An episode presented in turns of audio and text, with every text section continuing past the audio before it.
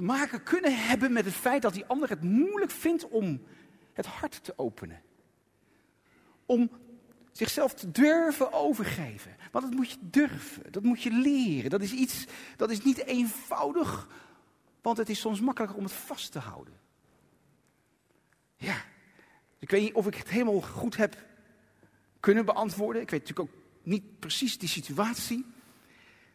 Maar juist ook vandaag wil ik het een en ander met u delen over een leven vanuit overgave. Overgave. En het is natuurlijk zo dat overgave, dat kan op vele manieren. Als je iets verkeerds hebt gegeten, dan moet je overgeven. Ja. Emotionele overgave. Daar is iets gebeurd in je leven. En dan is daar zo'n moment dat je je volledig openstelt voor je emoties, je gevoelens en je angsten. Maar ook je passie en je liefde en je genegenheid, ook daarin hoort een stuk overgave.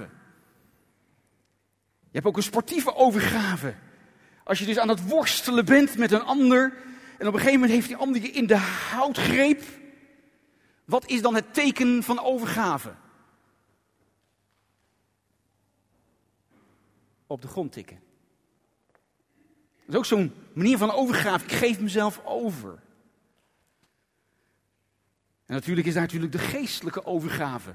Velen van ons hebben vandaag opnieuw die keuze gemaakt om geestelijk jezelf over te geven aan de werking van de Heilige Geest. En dan merken we dat op het moment dat we zo, zo, zo massaal, zo bij elkaar zijn, dat op een gegeven moment bepaalde personen de duisternis in zich niet meer weten in te houden.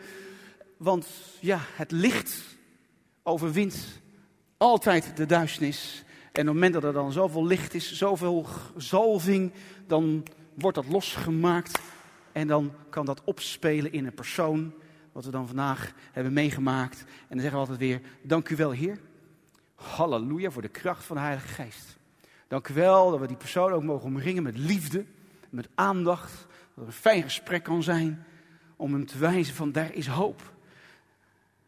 Er is genade. En ik weet niet hoe ver ik kom vandaag. Ook gewoon gezien de tijd. Maar ik wil even een fundament leggen. En ik ga hiervoor eventjes naar, uh, naar beneden. Er zijn eigenlijk vier verschillende vormen ook van, van overgave, de mate van overgave. Als het gaat om het geestelijke.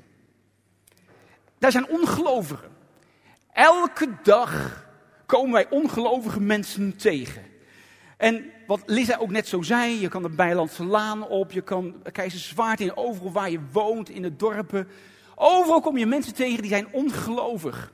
En ik heb er heel veel moeite mee, dat is even een zij, zijpaadje, om dan te moeten realiseren, al die mensen, als ze Jezus niet kennen, gaan ze verloren.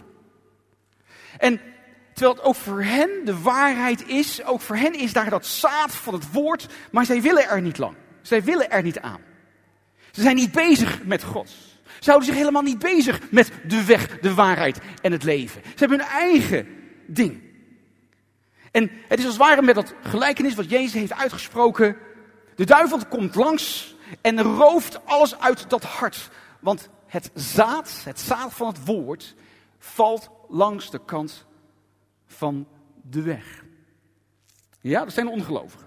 Ik denk dat er hier vandaag weinig tot geen on ongelovigen zijn, die dus helemaal niks van God, met God te maken willen hebben.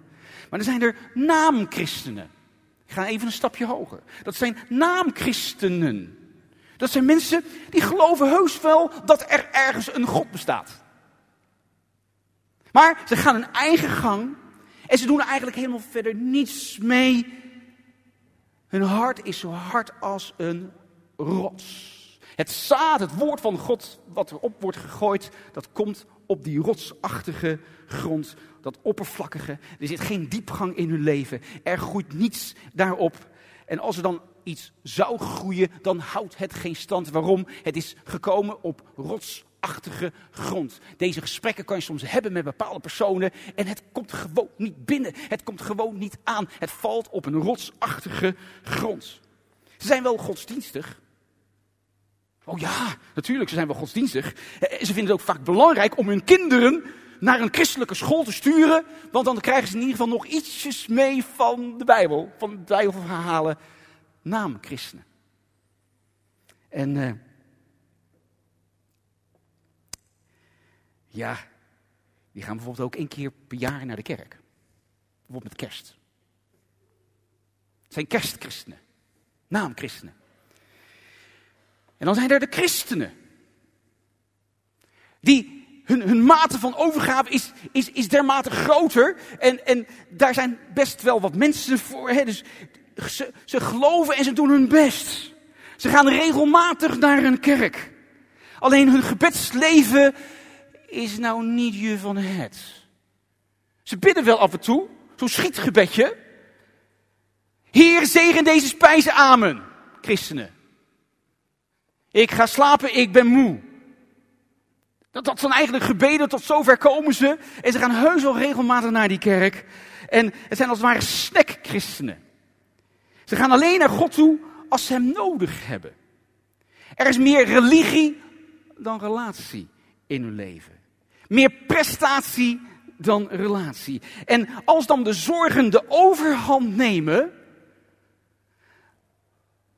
Zoals het dus komt en al dat onkruid dat groeit en al de zorgen van het leven dat overweldigt het woord van God. Er is een verstikking in hun leven. Het is meer een overleven dan wat wij dan zeggen, wij zijn meer dan overwinnaars. Maar voor hun, dat kunnen ze dan wel zeggen, alleen de praktijk is zo anders, want er is zoveel strijd. Er is zoveel gaande. En deze christenen die willen zo graag de touwtjes nog in handen, zelf in handen houden. Ze besluiten eerst zelf en daarna vragen ze er een zegen over. Ze gaan eerst op zoek naar een baan. En als ze eenmaal de baan hebben gevonden, gaan ze vragen: Heer, zegen deze baan. Ze zoeken eerst een partner. Ze swipen wat af. Ze zoeken eerst een partner. En als ze eenmaal een partner hebben, heer zegen deze relatie. Ja? Je eigen wil is eigenlijk God. En daar vraag je een zegen over. Je doet heel veel uit eigen kracht. Dus als je ook bijvoorbeeld ziek bent, je voelt je niet lekker, er is geen gedachte in je die eerst roept tot God. Nee, je gaat eerst naar die medicijnkast. Je gaat eerst die paracetamol slikken. Je bent er helemaal niet bezig. Als je kind ziek is, het is niet je eerste respons, je eerste reactie om te bidden en de handen op te leggen op dat kind. Nee, want je gaat dan eerst vragen, oké, moeten we naar de dokter of moeten we... Dus we gaan dan heel op een natuurlijke manier gaan we daarmee om. En we zijn wel christen en we geloven wel in God en we geloven in Jezus en we zijn we best wel trouw. Alleen daar is nog niet die volle overgave. Want ja, hoe werkt dat dan precies? Je, misschien wil je het ook wel, maar je bent misschien ook helemaal niet daar zo bewust mee bezig. De dingen lopen gewoon zoals ze lopen. Zo gaat dat leven. En je hobbelt eigenlijk door het leven. En je gelooft heus wel in Jezus. Maar om nou te zeggen, die volledige overgave, dat je vroeg je bed uitgaat om eerst God te zoeken en de Bijbel te lezen. Ja, ik heb toch gewoon die, die dagelijkse Bijbeltekst die ik krijg op mijn telefoontje. Die lees ik dan en dan heb ik stille tijd gehouden. Of ik zet een leuk, leuk, leuk muziekje op in de auto. Of ik heb wat van die dingen in mijn oren. Dan zet ik een uh, christelijk muziekje op of zo. En ja, ik ben christen. Ja? Helder? En dan gaan we naar de bovenste treden. En dat zijn volgelingen van Jezus. Je hebt christenen, je hebt naamchristenen en je hebt ongelovigen. Ongelovigen, je hebt naamchristenen, je hebt christenen en dan volgelingen van Jezus. Volgelingen van Jezus. En oh, wat, wat leven die anders? Die leven vanuit een roeping. Die leven vanuit een overtuiging. Dat zijn die vruchtdragers. Honderdvoudig. Duizendvoudig. Die geven vrucht in hun leven. Hun leven is. Er gaat maar eigenlijk om één ding: van Heer, uw wil geschieden in mijn leven. Ik wil maar één ding. En dat is dat uw heerlijkheid en uw glorie en uw kracht geopenbaard wordt in mijn leven. In mijn huwelijk. In mijn gezin. In mijn straat. In mijn dorp. In het flat waar ik, waar ik woon. Op de Bijlandslaan. Op, in de Keizerswaard. Over waar ik kom. Heer, ik wil uw koninkrijk vertegenwoordigen. Want ik ben een zoon van de Allerhoogste. Ik ben een dochter van de Allerhoogste. Heer, spreek tot mijn hart. Dat zijn volgelingen van Jezus. Ze zijn bereid om offers te brengen. Dat zijn, wat ik al eerder heb genoemd, dat zijn die spinazie-christenen. Kent u ze nog? Spinazie-christenen. Jezus, of Jezaja, die op een gegeven moment opgenomen was. En hij zag daar al die glorie en de grootheid van God. En dat God ook riep op hem, wie zal ik zenden? Wie zal voor ons gaan? En dat, je, dat Jezaja riep, zend mij. Dat er toen een engel kwam en met een vuurkool werd zijn lippen aangeraakt. De prioriteit voor deze persoon is de wil van de Vader doen. En ik heb een aantal kenmerken gewoon onder elkaar gezet. Dat is het volgende plaatje. Heb ik een, dat is geloof en vertrouwen.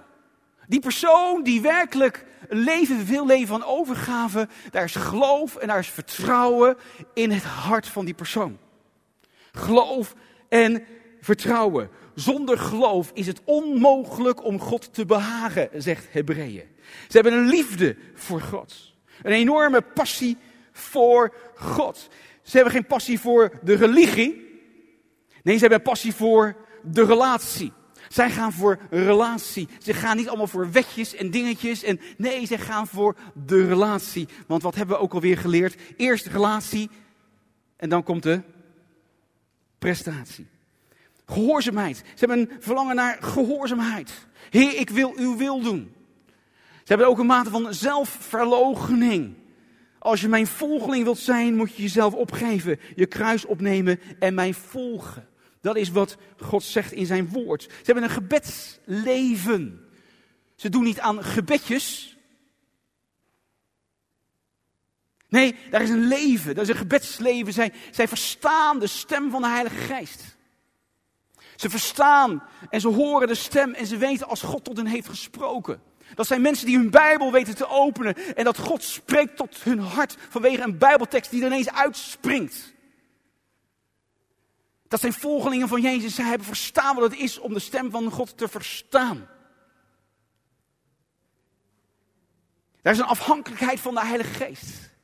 Dat je opstaat en zegt, Heer, ik geef mijzelf vandaag aan u. En mijn werkomgeving is het gebied waar u mij heeft gesteld, waar ik een getuige mag zijn. Heer, op welke manier mag ik ook weer vandaag in mijn zendingsveld een getuige zijn? Op welke manier kan ik tonen en kan ik mezelf zijn en daarin u, uw volgeling zijn? Op welke manier kan ik daar een zegen zijn voor mijn collega's? Op school. Je zit met allemaal studenten in de klas. Je zit met andere scholieren in de klas. Op welke manier kan jij een verschil maken? Op welke manier kan jij die schouder zijn waar een ander tegenaan kan huilen? Op welke manier sta jij open voor de stem van de Heilige Geest? Dat je zegt van, ga naar die persoon toe. Ga met hem praten. Ga, ga met hem spreken. Want hij zit in diepe nood. Dat jij op deze manier ook jouw klas, jouw scholier, de, de scholieren, de studenten kan zien als een zendingsveld waar jij een volgeling van Jezus mag zijn. Want soms maken we het veel te ingewikkeld. We maken het zo onvoorstelbaar ingewikkeld. En denken, ja, de zending dat is buitenland. Dat is, nee, God wil gewoon dat wij onszelf zijn. Daar waar jij je bevindt, daar waar jij woont, daar waar jij werkt, dat je daar vanuit die bewogenheid zijn stem mag verstaan en mag gehoorzamen wat hij ons aangeeft om te doen. Daar is een stukje dienstbaarheid. Dat zijn volgelingen van Jezus zijn altijd dienstbaar. Dat is heerlijk om met mensen om te gaan. Die dat is heerlijk om iets te kunnen en te mogen vragen. Want soms is het wel eens lastig om iets te vragen, want dan zie je ineens het gezicht veranderen. Het, het gezicht vertrekt. Je vraagt nog niet, zou jij dat willen doen? Oh, ja. Ja. Dan heb ik gelijk een neiging van, laat maar, laat maar, ik doe het zelf wel. Toch? Dan denk je, ja, als je het niet wil doen, prima. Maar het is zo heerlijk om dan met iemand te maken te krijgen, echt een volgeling van Jezus. En je vraagt aan die persoon, ook al zouden ze de tijd niet hebben, dan toch is daar een andere reactie van. hey, oh fijn, uh, ik had het graag willen doen, alleen ik zit nu eventjes lastig. Het is soms ook nog de manier waarop, want het is ook de geest erachter, dat je voelt van, hey, oké, ik kan dit vragen aan die persoon, want daar is een dienstbaar hart. Dat is mooi om te zien. Lijden en volharding. Dat is eigenlijk waar we heel weinig over spreken. Want in het volgen van Jezus is er ook af en toe vervolging. En we leven in een eindtijd, we weten niet precies hoe alles zal gaan. En als we denken ook aan Marokko, wat daar is gebeurd. Wat een verschrikkelijk, Heer, oh Heer, we zegenen al deze lieve mensen, al deze mensen die daar hun liefde, hun, hun, hun, dierbaren, zo moet ik zeggen, hebben verloren. Wat een nood, wat een pijn. En Heer, in het alles is daar lijden, maar ook die volharding waarin God zegt, die wedloop, die wedloop die we met elkaar wandelen. Liefde voor de medemens, een bewogenheid en een passie. Als je geen bewogenheid hebt, een volgeling van Jezus wordt daardoor gekenmerkt. Jezus was met ontferming bewogen over de, over de mensen. Hij was met ontferming bewogen, daar gebeurde iets in zijn binnenste. En als laatste een hoop op eeuwig leven. Oké, zeggen we dan. Nu de praktijk. Nu gewoon even de praktijk. Het is een heerlijk mooi fundament. Dat is fijn. Alleen, als we heel eerlijk zijn, en dan kunnen we ons misschien allemaal streven naar die volgeling van Jezus te willen zijn, maar er zijn soms momenten dat je wellicht zelfs spijt hebt van, dat, van de keuze die je hebt gemaakt. Want dan kom je erachter van, oh Heer, u gaat dus ook van mij dingen vragen. Want in het volgen van Jezus in een volgeling van Jezus zijn hoort ook opdrachten. Opdrachten die God jou vraagt te doen. En sommige opdrachten zijn niet leuk om te doen. En ik wil een voorbeeld naar boven halen. En dat verhaal kennen we allemaal. Laten we eens beginnen met Jona. Jona. En Jona daar gebeurt het volgende mee. We kennen eigenlijk allemaal die plaatjes met die grote walvis, met Jona daarin. En, maar wat gebeurde daar nou eigenlijk binnen die context? En er staat, dat eerste, de eerste zin van het Bijbelboek Jona, dat zegt, de Heer zei. De Heer zei tegen Jona. Met andere woorden, Jona was een man die de stem van God wist te verstaan. Jona was niet zomaar een profeet. Deze man was al langere tijd een profeet en wist wat het was om de stem van God te verstaan en om opdrachten uit te voeren om het nieuwwoord van God te spreken. Hij was een profeet. Dus God had hem al lang voorbereid voor datgene wat hij nu ging vragen. Want de Heer die zei, dus met andere woorden, God had een opdracht voor Jona. En hij zegt, ga naar de grootste stad Nineveh. Zeg tegen de bewoners van Nineveh dat ik hen ga straffen voor alle vreselijke dingen die ik daar heb zien gebeuren. Met andere woorden, God kijkt. God ziet. God ziet wat er vandaag de dag gebeurt in Nederland. God ziet wat er gebeurt in de Oekraïne. God ziet wat er gebeurt in Rusland. God ziet wat er gebeurt in Marokko. God ziet dat allemaal. En in dat alles doet dat iets met God en hij wil zijn mensen, zijn volgelingen, daarmee een opdracht geven. En dan staat er, heel kort zinnetje, maar Jona wilde niet gaan. Jona wilde gewoon helemaal niet. Dan ben je een volgeling van Jezus, dus blijkbaar zijn er soms momenten in je leven dat God tegen jou kan spreken en je hebt je handen omhoog gedaan, je hebt je hart uitgestort. En dan kan het dus zijn dat God tegen jou spreekt en zegt, lieve schat, ik hou van jou. En in dat dat ik van je hou, wil ik je niet dezelfde laten blijven. Ik wil je veranderen, ik wil je meenemen en ik heb een opdracht voor je. En als je dan hoort wat die opdracht is, denk je van, oh nee, ik wil dit helemaal niet. Ik wil dit niet. Mozes, hij zag het ook helemaal niet zitten toen hij daar aan de, de, de brandende braamstruik stond.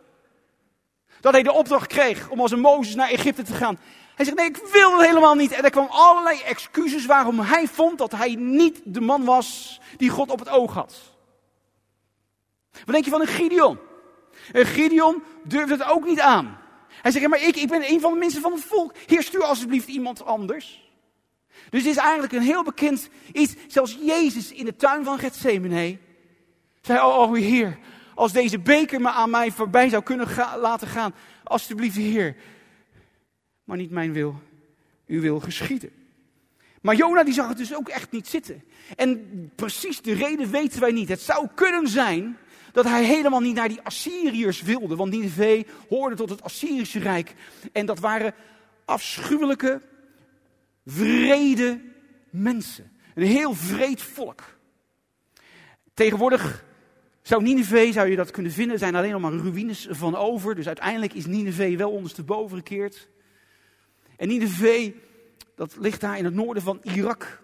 Mosul, heeft hij misschien wel eens ook van gehoord. IS is daar ook actief geweest. Dan zie je al die dingen die dan weer terugkomen.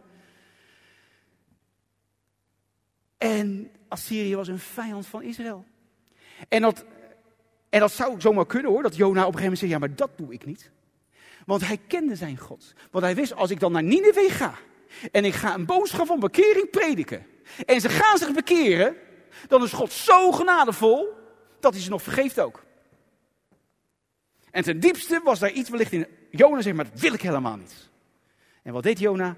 Hij ging de andere kant op. Hij probeerde te vluchten weg van de Heer. Hij probeerde weg te vluchten, staat er in de Bijbel. Hij probeerde het. Vluchten kan niet meer. Vluchten. Hij probeerde te vluchten. Hij probeerde te vluchten. Maar het lukte hem niet, want we kunnen nooit nooit wegvluchten van de tegenwoordigheid van onze God. Hij wilde zelfs de Heer niet meer dienen. Hij wilde de Heer niet meer dienen. Hij zegt, Heer, dit wil ik niet meer. Hij wilde de Heer niet meer dienen. Hij betaalde zelfs geld om te vluchten van de Heer. En Jona die wordt op een gegeven moment in zee gegooid. De Heer die liet een zware storm komen. Wie liet een zware storm komen? Wie deed dat? De Heer. Niet alle stormen in je leven is demonisch. De Heer liet een zware storm komen. Het schip dreigde te breken in de golven. De zeelui werden, werden bang en riepen allemaal hun eigen goden om hulp. En ze gooiden de lading in zee om het schip lichter te maken. Maar Jona lag rustig in het ruim van het schip te slapen. De kapitein van het schip ging naar hem toe en zei: Kom, slaapkop. Sta liever op en bid tot je God. Misschien zal jouw God ons willen redden, zodat we niet vergaan. Jona was in slaap gevallen. En dat is precies wat er gebeurt op het moment dat we ervoor kiezen om God niet gehoorzaam te zijn. Ook wij als kerk, als kerk van de levende God, wij kunnen met elkaar in slaap sukkelen. Dat wij onderin dat schip liggen te slapen, terwijl de hele wereld in rep en roer is. De hele wereld staat in brand. Letterlijk heeft van de zomer de wereld in brand gestaan. Al die branden. Wat denk je van al die overstromingen? Wat een, wat een nood. Wat een stormen, de orkaan die dan over Florida gaat. Dat is de tijd waarin wij leven. En wij als kerk kunnen op een gegeven moment zeggen van oké, weet je wat? Naar ons de zondvloed. Wij laten onszelf in slaap sukkelen ergens onder in dat schip, terwijl het schip dreigt te vergaan. En wij als christenen doen gewoon ons ding. We leven, we hebben ons natje en we hebben ons droogje, huisje, boompje, beestje. Terwijl de wereld in brand staat. En er is niet dat leven van overgave. Op dit niveau. En Jona, die had er op een gegeven moment voor gekozen. Ik wil dit dus niet. Ik wil dus niet mijzelf geven in gehoorzaamheid aan de Heer om zijn opdracht uit te voeren. Ik wil dit niet. En ik weet niet wat voor opdracht God jou heeft gegeven. Maar er zijn momenten dat God tegen je gaat spreken. Geen relatie zonder confrontatie. Geen relatie zonder confrontatie. Er is altijd in een relatie confrontatie. Ook in je relatie met de Heer zijn er af en toe confrontaties. Waarin God jou iets duidelijk maakt en dat gaat tegen je gevoel in. Dat gaat tegen je wil in. En toch is God met zijn liefde daar bij jou te zeggen: Ja, maar lieve schat, jij houdt toch van mij en ik weet wat voor jou het beste is. Als jij hetzelfde zo wil blijven, maar ik hou te veel van jou om je zo te houden. God zal je nooit dwingen om te veranderen. Nooit. God zal nooit jou dwingen om te veranderen. Dat is een keuze die jij zelf mag maken, dat is jouw vrije wil. Daarin heeft God wel dat hij jou heel graag wil overtuigen van zijn gelijk. Zoals bij Jona, God ging wel heel veel meters om Jona uiteindelijk toch zover te krijgen dat hij vrijwillig ervoor koos, oké heer, ik ga naar Nineveh. En ik weet niet wat God van u vraagt. Zoals Jona een opdracht kreeg, zo krijgen wij af en toe ook een opdracht. Die we soms misschien helemaal niet zien zitten. Patrick, ik wil dat jij voorganger wordt van de Levend Woordgemeente. Grapje, dacht ik, Heer, dat, dat meent u toch niet. Hè? Ik ben daar toch niet voor geschikt. Ik ben toch niet, dat lukt, dat lukt me niet. Heer, foutje. Maar de Heer die blijft dan spreken. Hij blijft tot je spreken. Zeg, Heer, maar ik zie dat helemaal niet zitten. Want mijn grote broer Gerard is mijn voorbeeld. Zeg, Heer, ik kan toch niet spreken zoals hij dat doet. Ik zie heel het podium, ik zie dat gewoon helemaal niet zitten. Laat mij nou bij die kinderen, laat mij nou bij die tieners. Daar voel ik me op mijn plek. Heer, ik wil niet. Echt hè?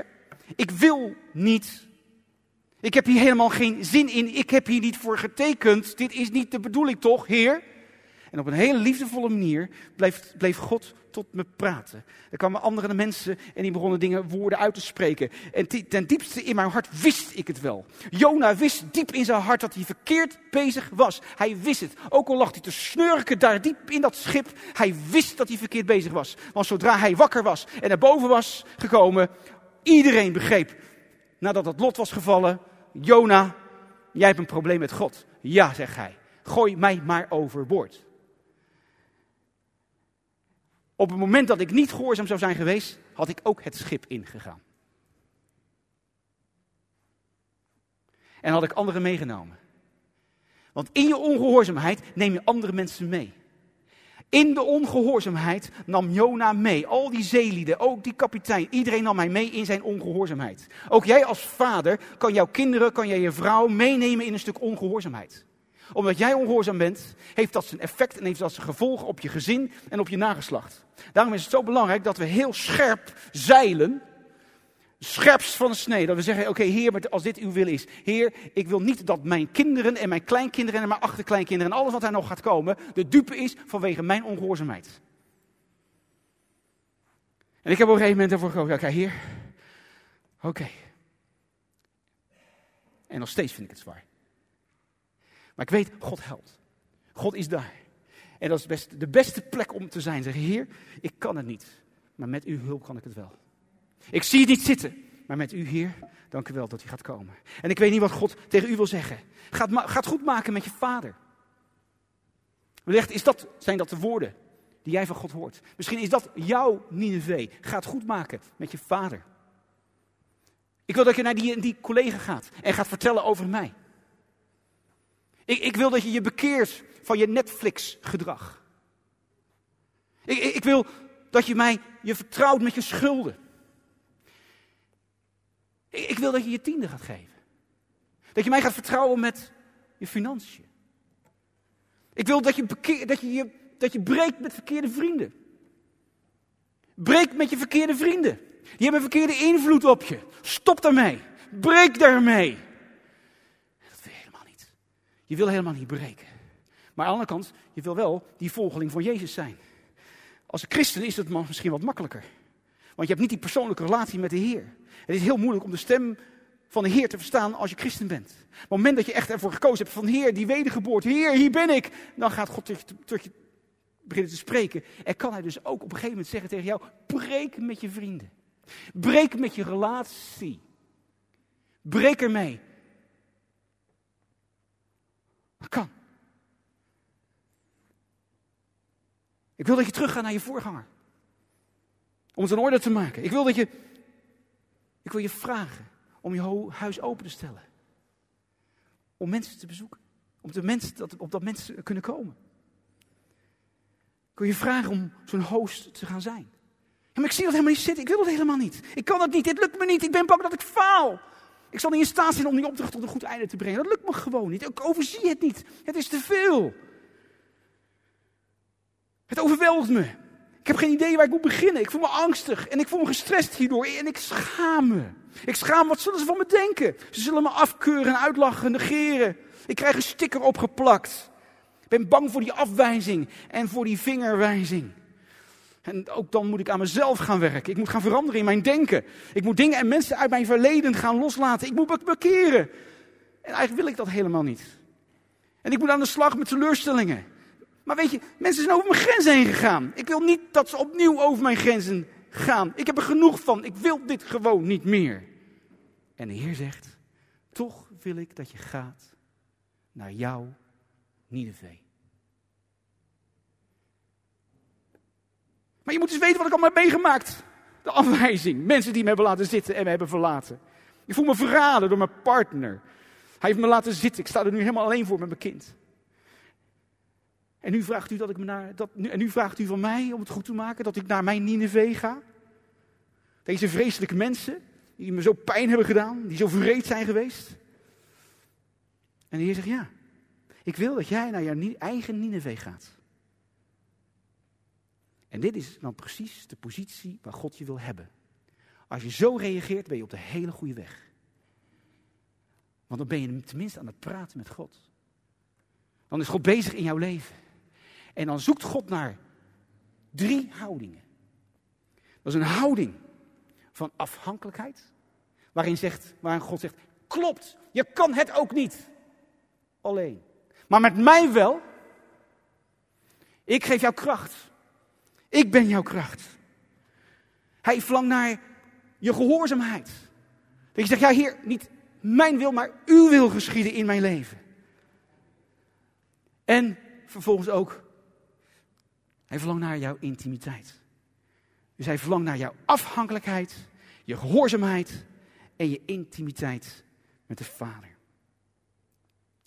En weet je, Gods ogen gaan over de ganse aarde om krachtig bij te staan hen wiens hart volkomen naar hem uitgaat. Dat is onze God. Hij wil jou krachtig bijstaan krachtig bijstaan. In alles wat je doet, alles wat je onderneemt, zolang jouw hart maar volkomen naar Hem uitgaat. En dat is eigenlijk waar we vandaag de dag mee te maken hebben. God zoekt naar volgelingen. God is niet op zoek naar christenen. Hij is op zoek naar volgelingen. Volgelingen van Hem die bereid zijn om die extra mijl te gaan. Om te zeggen, Heer, ik wil maar één ding. En dat is, ik wil mijn leven toevertrouwen aan u. Ik wil mijn wil langs die van u brengen.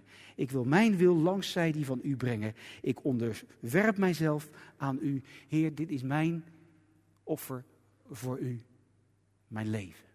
Want u bent voor mij gestorven aan het kruis. U heeft geroepen, het is volbracht. Uw bloed heeft mij gewassen van alle zonden. Heer, dank u wel. Ik ben gekocht en betaald. Ik ben uw zoon. Ik ben uw dochter. Heer, ik wil een volgeling van u zijn. En dan gaan er dingen in jouw leven gebeuren. Er gaat God echt van jou dingen vragen om je ook te testen.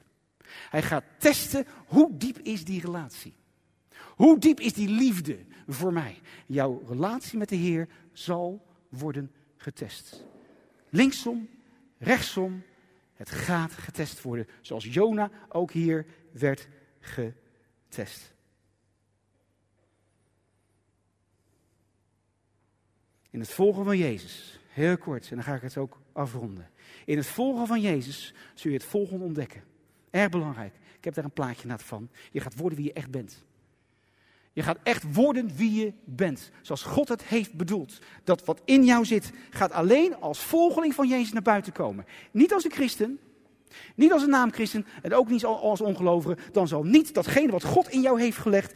volledig naar buiten kunnen komen. Alleen als volgeling van Jezus zal de echte persoon naar buiten kunnen komen.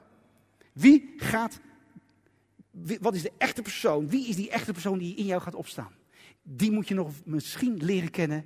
Want God zegt, word wie jij bent in mij. Je gaat van jezelf houden. Oh, wat geweldig. Als je van jezelf kan gaan houden, heb ik vorige keer wat over gezegd. Daardoor kun je namelijk ook van andere mensen gaan houden. Je kan niet van andere mensen gaan houden. Je kan niet bewogen zijn over andere mensen als je niet van jezelf houdt. Lukt niet. Je hebt daar eigen liefde voor nodig. Je gaat een bewogenheid ontvangen voor mensen. Je gaat de juiste mensen in je leven komen. Bid niet zomaar voor mensen in je leven. Kies, bid voor, Heer, dank u wel voor de juiste mensen die u mijn leven gaat brengen. Je gaat maximaal uitgedaagd worden. Zo'n gevoel heb ik inderdaad op dit moment. Heer, ik, ik voel me gewoon tot het maximale uitgedaagd in u. Ik zou niet, ik, Heer, u daagt me echt enorm uit. Maar dat is zo mooi, want dan zie je dus ook God werken. Dan zie je ook hoe God dan dingen overneemt en de regie neemt. En dan merk je dan, oh Heer, dank u wel.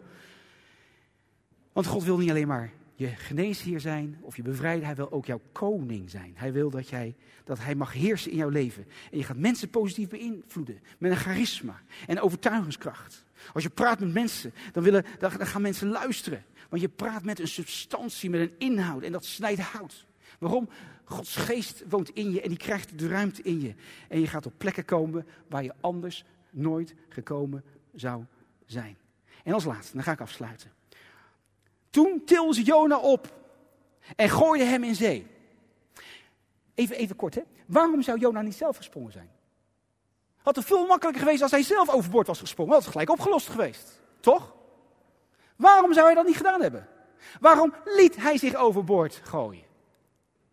Zou het wellicht te maken kunnen hebben, is dat hij geen zelfmoord wilde plegen?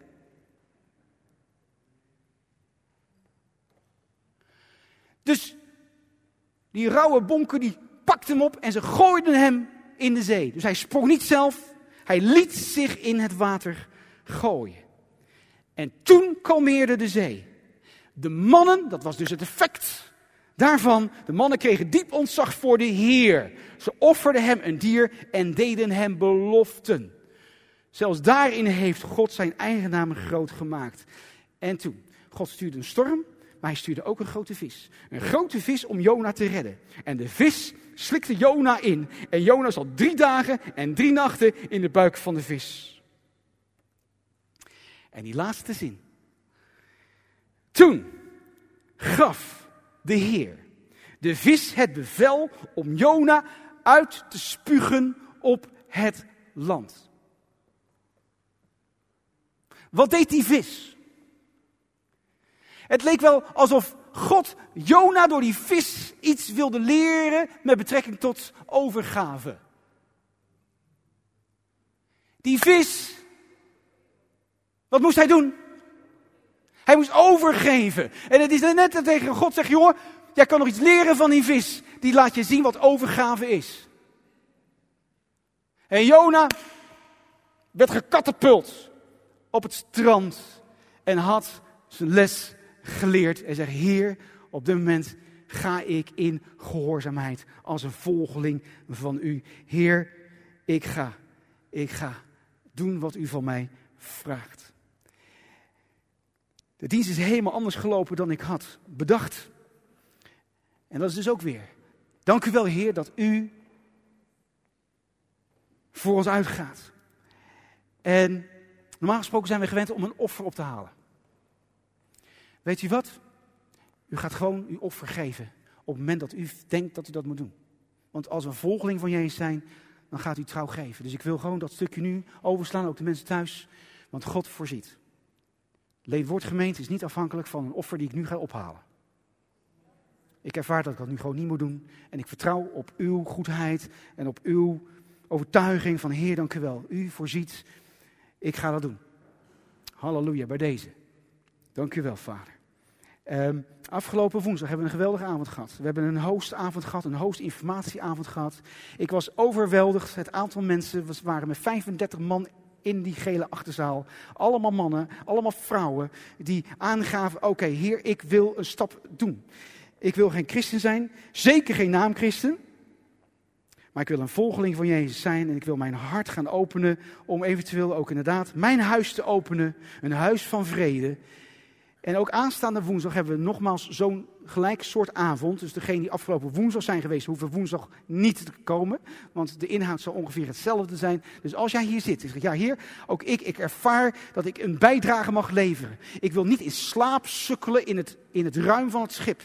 Terwijl heel de wereld in rep en roer is, in brand staat, uh, grote stormen zijn, uh, wateroverlast en dergelijke. Heer, ik wil, mijn, ik wil mijn verantwoordelijkheid nemen.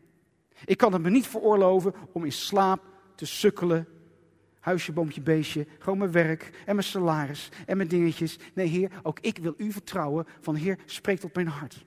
Als je ervaart van, oké, komende woensdag, woensdagavond hebben we opnieuw zo'n avond. En ik wil je hartelijk uitnodigen om daar te zijn. Dat begint om half acht en, dat zit, en we komen hier achter bij elkaar in de achterzaal. Kom.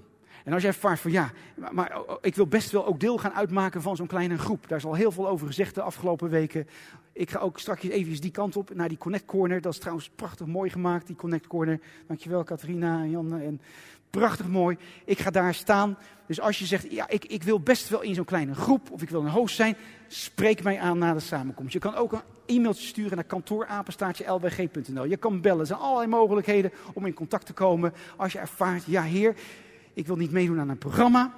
Ik wil niet meedoen aan een project. Ik wil niet meedoen aan een probeersel. Oh nee, wij willen meedoen aan hetgene wat God aan het doen is. Momenteel ook in ons midden, in Jezus' naam. Ja, ehm, ik, misschien ben ik allemaal dingen nog vergeten, ehm, maar dat is dan maar zo. Dan gaan we het op een andere manier wel een keertje communiceren. Zullen we gaan staan met elkaar? Zullen we gaan staan met elkaar? De Heer is hier. Halleluja, Vader. Halleluja, Vader. Laten we met elkaar gaan staan. Oh, Vader, Heer, dank u wel voor al die lieve mensen. Trouwens, de kinderen mogen gehaald worden. De kinderen mogen komen. Dus Jan, mevrouw John, ja, perfect. Het is allemaal wat uitgelopen. Heer, dank u wel. Een leven van overgave. Heer, een leven van overgave. Heer, soms snappen we er helemaal niks van. We weten niet wat er allemaal gebeurt. Dan kan ons leven helemaal op zijn kop staan. Heer, dan kan inderdaad een storm woeden in ons leven. Zeg, Heer, maar één ding wil ik uitbidden over de gemeente. Dat wij als gemeente gekenmerkt worden door volgelingen van Jezus. Geen naamchristenen, geen christenen, echt volgelingen van Jezus. Dat wij als gemeente volgelingen van Jezus zullen zijn. Want we leven in het einde der tijden. En we zien om ons heen de verschrikkingen, wat daar allemaal plaatsvinden. En Heer, wij willen als gemeente niet in slaap sukkelen. Heer, want u schudt ons wakker. Schud ons wakker, Heer. Schud mij wakker, schud ons wakker in de naam van Jezus. Dat we wakker mogen schrikken en mogen zien van, oh Heer, de wereld is in rep. Maar dank u wel dat u ons heeft geroepen om een volgeling van u te zijn. En dat wij met kracht, Heer, worden omgeven dat uw geest in ons woont en door ons heen werkt. Dank u wel dat we gehoorzaam mogen zijn aan die roepstem. En Heer, dan merken ook dat we kracht ontvangen, want uw ogen gaan over de ganse wereld. Om krachtig bij te staan, het wiens hart volkomen naar u uitgaat. Dank u wel, Heer, dat we zo op deze manier als gemeente uh, voor u mogen staan. Dank u wel, Heer, dat duisternis moet wijken uit ons leven. Duisternis moet wijken uit de gemeente. Halleluja, Vader, er is geen plaats voor duisternis in de naam van Jezus. Amen, lieve mensen. Daar is geen plaats voor duisternis. Daar is geen plaats voor religie. Nee, geen religie. In de naam van Jezus. Dank u wel, Vader. Heer, dat we dat uit mogen bidden over de gemeente. Leven, voorspoed, genade, kracht. Maar bovenal ook gewoon die intimiteit met u door het volbrachte werk van Jezus Christus aan het kruis. Halleluja, Vader. Dank u wel, Jezus. En als jij straks hier, als jij hier staat en je denkt, oh, oh, oh, oh, ik, ik ben ergens hier. Misschien zelfs hier of hier. Of je bent misschien hier. En je zegt, ja, maar ik wil het wel, ik wil het wel. Want dat is het beste leven wat je maar kan leven. Want dan ervaar je dat God daadwerkelijk je leven gaat nemen en gaat sturen en gaat aansturen. Dat is de beste plaats waar je maar kan zijn. En dat is voor jou. Dat is echt voor jou als je het maar wil. En God legt geen, nogmaals, het is geen dwang. Allemaal vrije wil. Dat is de ruimte. Dat is de ruimte. Halleluja, Vader. Dank u wel voor de vaste tijd die gaat aanbreken. Volgende week zaterdag gaan we daarmee beginnen. Van zaterdag. Tien dagen lang. Heer, we willen bij elkaar gaan komen om te bidden. Maandag, de dinsdag, de woensdag, de donderdag en dan de vrijdag, de nachtbid stond. Heer, er zal ook nog gecommuniceerd worden hier, want we willen gaan bidden. We willen uw naam, we willen uw aangezicht gaan zoeken. Heer, want er is een oogst. De velden zijn rijp om geoogst te worden. In Jezus' naam. Dank u wel, Vader. Dank u wel, Jezus. Laten we zingen met elkaar. Laten we Jezus, Jezus,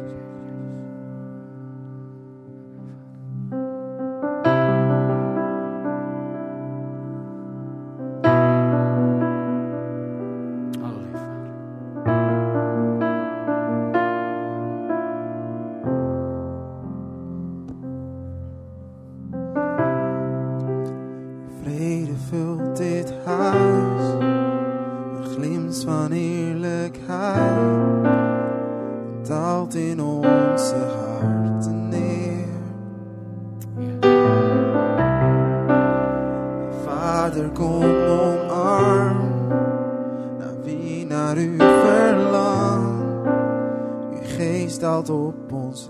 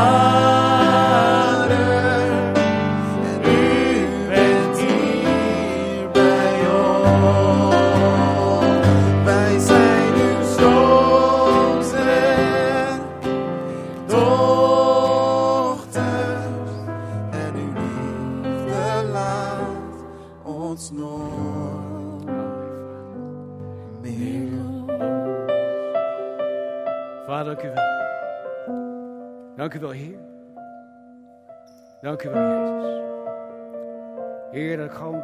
mag zegenen. Zegenen mag, zegenen mag met de liefde van God de Vader. En de genade van onze Heer Jezus Christus. En die bijstand, die fellowship, die nabijheid van de Heilige Geest. En die is met ons. Elke dag weer opnieuw. Ook de komende week. Hij is met jou. Hij is met jullie. Hij is met ons. En hij verlangt naar jouw intimiteit.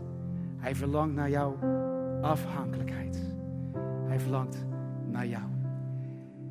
En als je ervaart dat je gebed nodig hebt, of je wil even met iemand praten, wil ik je vragen, gewoon, dan mag je straks gewoon naar voren komen. Er is een, gebedsteam. Die wil gaan met je bidden. Het gebedsteam mag alvast komen. Maar dan gaan we ook wel de samenkomst afsluiten. De kinderen zijn ook aan het komen. En straks gaan we gewoon heerlijk even een tijd van fellowship hebben. Anthony en Aline, die trakteert. Ook de gemeente op lekkere koeken. Stroopwafels hoorde ik. Dat zijn ook een lekkere dingen. Bij de koffie. Dus eh, we gaan een heerlijk kopje koffie drinken. En ook de mensen thuis. Ik zegen jullie. Geweldige week. We houden van jullie. In ons hart zijn jullie, bij, zijn jullie ook bij ons. En zo zegen ik de gemeente in de machtige naam van de Vader. Dus nogmaals,